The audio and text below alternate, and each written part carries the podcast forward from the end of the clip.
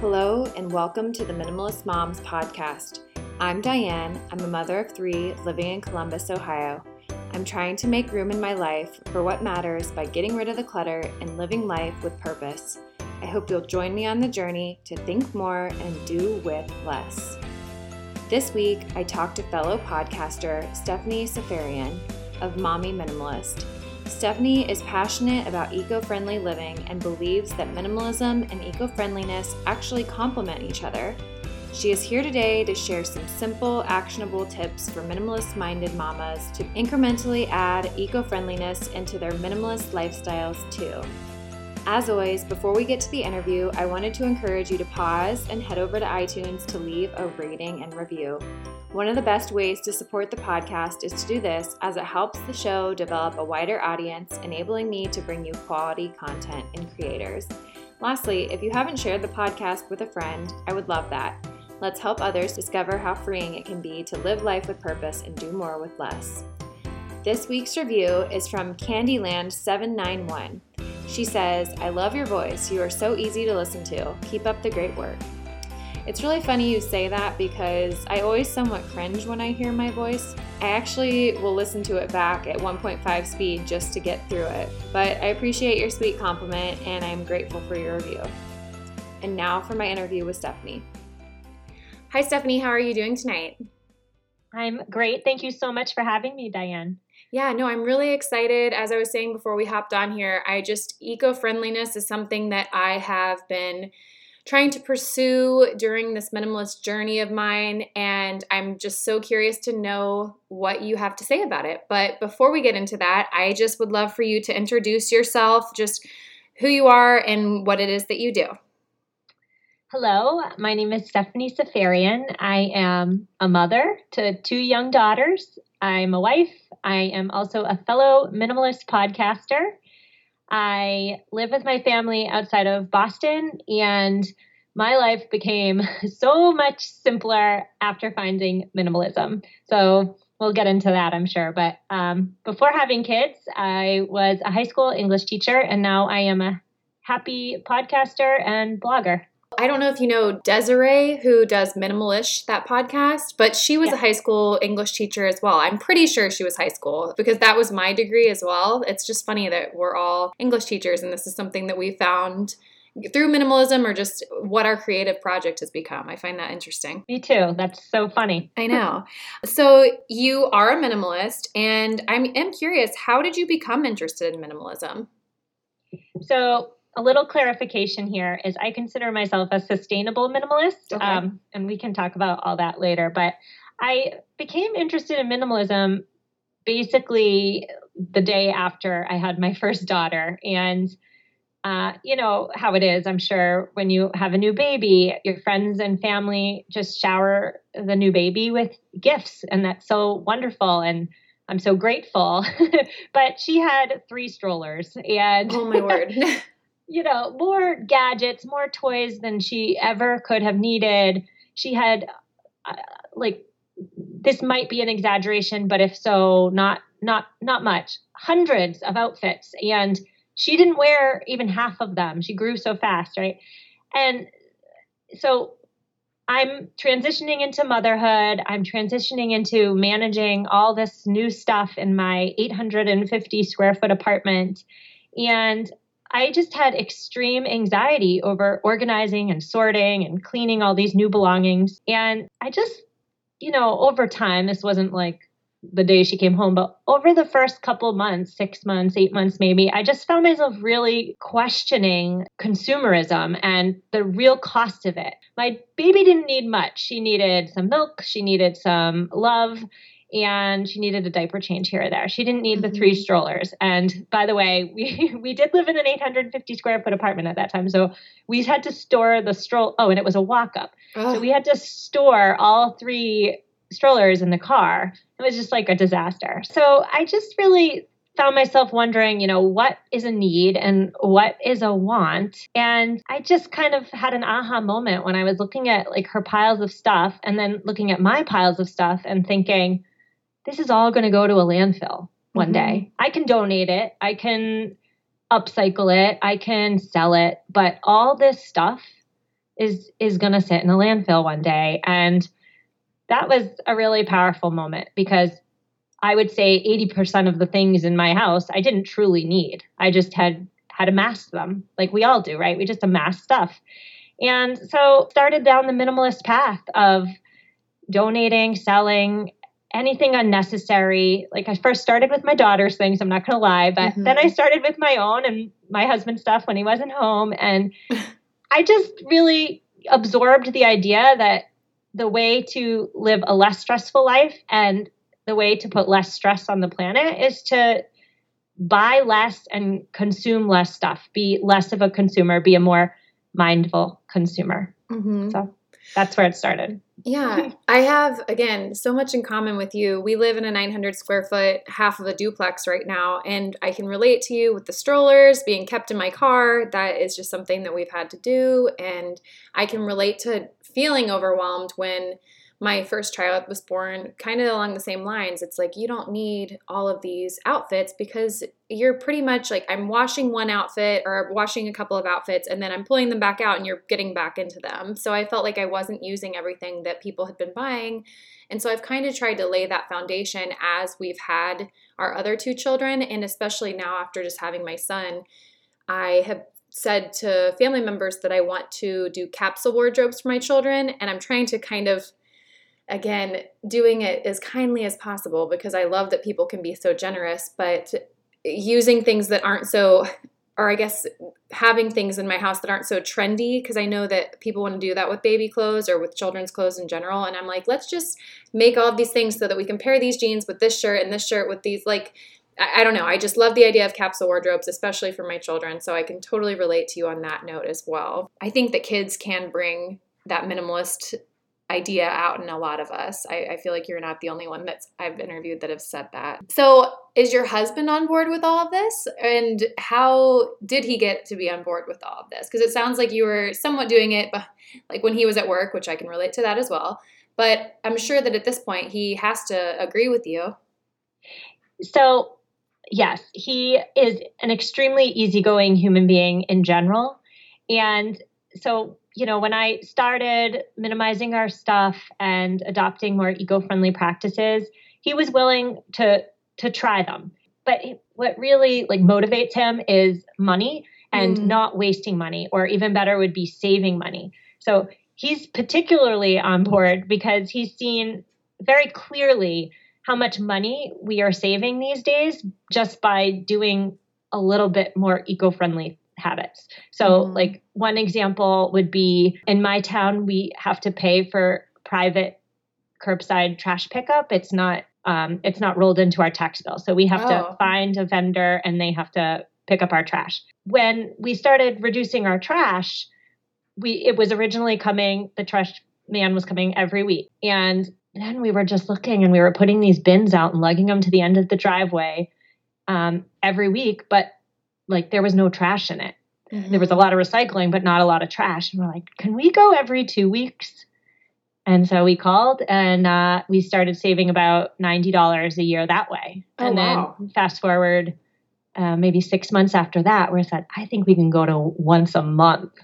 So we're now saving like $190 a year just by not having as much trash. And that's just one example of many. But yes, he is on board because he sees more money in our little bank account. mm-hmm. No, I, I can relate to, again, similar um, instances with my husband wanting to save money and being kind of easygoing in that way. So let's discuss eco friendliness. That's why you're here. And I'm curious, just first and foremost, why do you think that topic of being eco friendly is important? So, without getting too dire here, um, the planet is in pretty dire straits. And I think probably many of your listeners have seen something or other on the news every day. It sounds like there's some terrible news about the health of our planet. Some some animals going extinct. Uh, 2030 that year gets getting thrown around as the year of no return. Um, and I'm really, really concerned for my children. Mm-hmm. And I'm concerned because I'm not sure that our planet is going to be inhabitable when they're in their 40s and their 50s. My daughters are five and two right now. Mm-hmm. So I could sit back and do nothing, I guess, but that's just not who I am. So I believe that if everybody does a little bit, whatever works for them in their season of life, we can, like a bunch of hands, have a huge collective impact. Mm-hmm. And that's what I talk about on my show, and that's what I advocate for. I'm not really advocating for parents to upend their lives and do these gigantic changes, like vowing never to fly again. And if you want to never fly again, I say that's amazing. You you will totally reduce your carbon footprint by mm-hmm. gigantic amounts if you don't fly. But that's not really what I'm advocating for on my show. I'm talking about like little steps and how little steps go on to be middle of the road intermediate steps and then you know it, it snowballs mm-hmm. so i like to use the analogy of like picking apples. We went apple picking this week. you know, when you first start out trying to do something different in your life, you're not going to go reach for those high growing apples on the top of the tree. You're going to pick a low lying fruit. Mm-hmm. And so that's what I really try and do is to give everybody a low lying fruit that works for them. And once that feels great, then maybe you reach a little higher for a middle of the tree fruit. Mm-hmm. So I hope that makes sense. No, it absolutely does. And I think that when we do take on these huge goals, it's not sustainable. And that's one of the first things you said that you are a sustainable minimalist and something that you have grown with over time. And I think that if we do just change a couple of things here and there, that'll become habit and it'll become easy or routine. And therefore, we can put effort towards other areas that we want to become more eco friendly. And then it just, like you said, it builds and builds. And if we're all individually contributing to this, the collective gain will be amazing and we'll see results much quicker than if a lot of us were just doing it perfectly or a handful of us were just doing it perfectly. Exactly. And the, uh, the other thing I was going to say, even if there are listeners that don't think that this is a dire issue or that there's plenty of time, I just think in general, we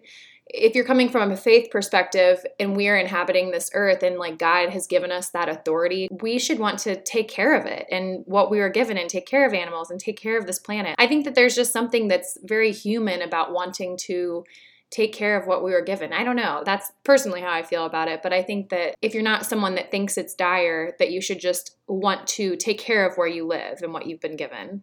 Yeah, and just taking that one step further as if you don't think it's dire and if you don't live a faith-based life mm-hmm. then maybe being a little bit more eco-friendly would appeal to you simply because like being wasteful is not a, an attractive quality right like mm-hmm. nobody says like oh i want to be i want to strive to be more wasteful like mm-hmm. a lot of people probably listening to your show who are interested in minimalism mm-hmm. they have probably taken a good look at their own um, lives and seen instances where they've been wasteful. We all have. I mean, there's so many great things about America, but one thing I would argue that's not so great is that we are all, as a nation, collectively extremely wasteful, and that is not that's not a good look. Mm-hmm. Well, and think about the amount of money that that's the, one of the things that kills me about just buying food and letting it go to waste. I'm very cautious about that because you're, you're just wasting money. If you're bringing in items into your household and not being intentional about them and they end up in a landfill, as you said, it just is such a waste of money that I feel like most people could get on board with that, just wanting to save money. So I think there is something here for everyone that they'd want to start pursuing a more eco friendly lifestyle. Like I said, and like you said, even if it's just little steps here and there. All right. So, how would you say that minimalism in general has influenced your desire to be eco friendly? For me, it started with minimalism. Going back to, you know, my first daughter, I really just wanted some space. I wanted you know my my life back i didn't want to spend so much time managing the possessions mm-hmm. um, but again that quickly turned into, well, where is all this stuff going? So I believe that minimalism and eco friendly living are like sisters, right? They're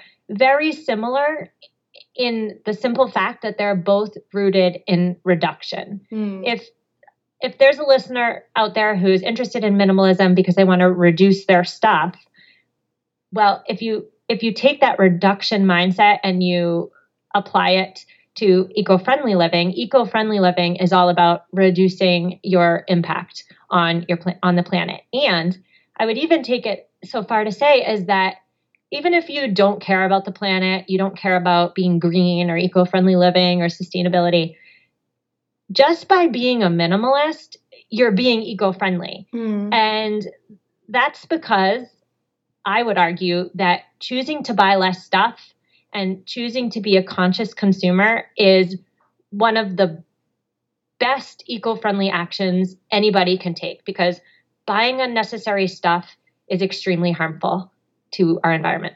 Mm-hmm. So, you are Mommy Minimalist on Instagram. How did eco friendliness and minimalism manifest itself into this outlet and platform? I talk about decluttering on Instagram, on my podcast, on my website. I talk about decluttering. I give the decluttering tips. I talk about self care and how minimalism is a form of self care. I do all those topics, but my the difference between my mm. message and other minimalists out there is that I talk about all those minimalisty topics with a heavy eco-friendly slant. So some episodes on my podcast are all about sustainable minimalism, and then that's sandwiched between two episodes on decluttering. Um, and so I really try and hit eco friendly actions as well as minimalist actions. And I, in my little iTunes blurb, I talk about how my podcast is the place where um, eco friendly living and minimalism intersect. And I, I try to I try to toe that line pretty evenly with both with both concepts. But when I first started, I was the only minimalist talking about eco-friendly stuff and i i don't know if i am still but mm-hmm. i was the i was the only one at one time no i i love that this is a platform that you have and i love that we can kind of pick each other's brains here and support one another with going on each other's podcasts and just discussing topics like this because i think as you said minimalism and eco-friendliness overlap and complement one another. So I hear, I feel like for listeners of my podcast that aren't super familiar with how to be eco-friendly or like where to start, I feel like that your platform is an encouragement to them in that area. So thank you. Thank yeah. you.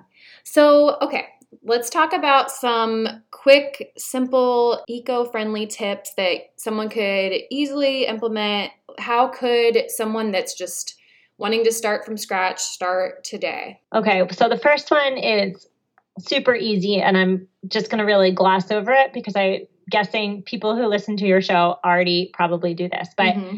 the first thing is to just be a more conscious consumer if you're not already. So, like, I would say between 90 and 95% of minimalists, just by going through the process of decluttering, become conscious consumers. And that's because decluttering can be really uncomfortable mm-hmm. when you look at all the stuff that you bought that you don't need and you never should have purchased or never should have accepted into your home. So it just kind of happens naturally through that transformative experience. But when you do need something, ask yourself whether you actually really truly need it before you take out your wallet and ask whether you can borrow it or reuse something else or upcycle something mm-hmm. because that's not only going to save you money, but it's also going to save you clutter mm-hmm. in a year or so when this item is no longer so shiny and new. So that's the first thing.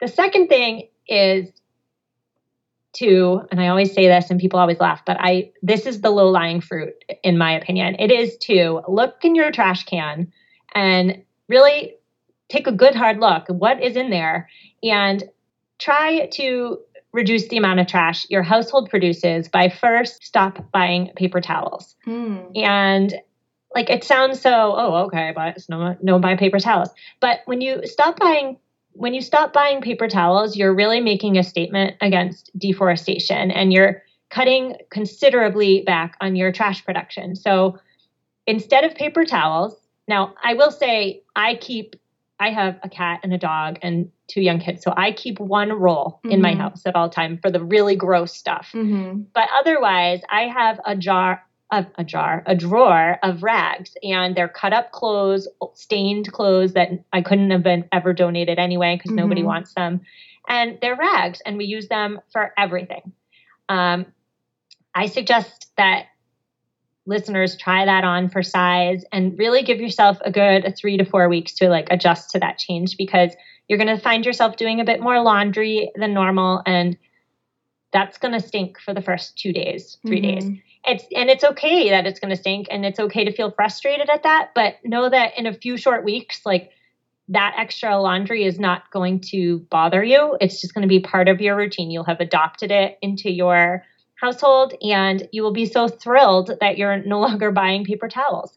And then when you start doing that you're probably going to look at all the other paper products that are single use paper products that are wrapped in plastic that you're buying that you don't need to. So, napkins mm-hmm. and tissues. And so, if the paper towel, if the paper towel change goes on well for you, then maybe your next swap is to, you know, give everybody a handkerchief. Like, mm-hmm. let's go right back to the 1950s our grandparents had something going on with those handkerchiefs and just stop buying tissues. Tissues are ridiculously expensive for a single use item. Mm-hmm. No, now, I I switched over to handkerchiefs when I was sick last year. And my husband thought I was really gross, but I'm like, people have used these forever. I don't see what the big deal is, but yeah, I'm bringing that back in my household as well. Yeah, it, they're lovely. Everybody in my house has um, a handkerchief when they're sick, and everybody has their name on it. And I feel like it's it's so it's so easy for handkerchiefs in the laundry at the end of the day that is not extra work mm-hmm. but it does save money and mm-hmm. it does make an impact on how much trash i produce mm-hmm. i cut you I off will, what were you going to say oh i was just going to say the last thing i would suggest to listeners is to be on the lookout for eco-friendly products as what you're currently using um, gets used up so there is an eco-friendly product on the market for I, I want to say almost everything. Mm-hmm. I mean, toothbrush, you can buy a bamboo toothbrush and then when it's ran run its course, you just compost it.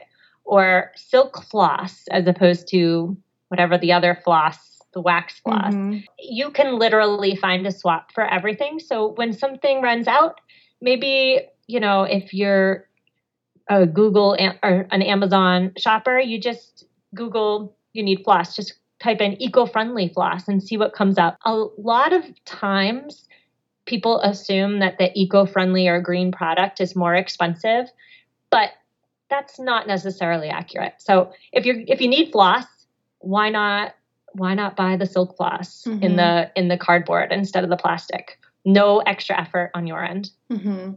Well, is there anything else that you can think of specifically that you wanted to share with my listeners today? Mm-hmm. Eco friendly living often kind of gets like a bad rap, but it's not all about hippies and Birkenstocks with their reusable totes. Mm-hmm. There are there are a lot of things that you can do within your own home that can make a real big difference. So uh, don't be discouraged. Mm-hmm. Just, you know, try a little tweak on here or there, see if it fits. And if so, then tack on another one. That's how big change occurs. Mm-hmm. And I feel like if anyone has any questions about certain things that they're looking that could be eco friendly, maybe they can come. Can I send them your way? Absolutely. Great. Well, as we're wrapping up here, I have two questions that I ask every guest that comes on the Minimalist Moms podcast. And my first one is What is your minimalist moment of the week? Ooh, okay, easy. It was today. Um, my daughter wants to be a scary witch for Halloween. We do not have a witch costume. so I got on my um, town like mom swap group, found mm-hmm. a perfect witch costume in her size for free. And I get to, here's the minimalist part, I get to give it back on November oh. 1st.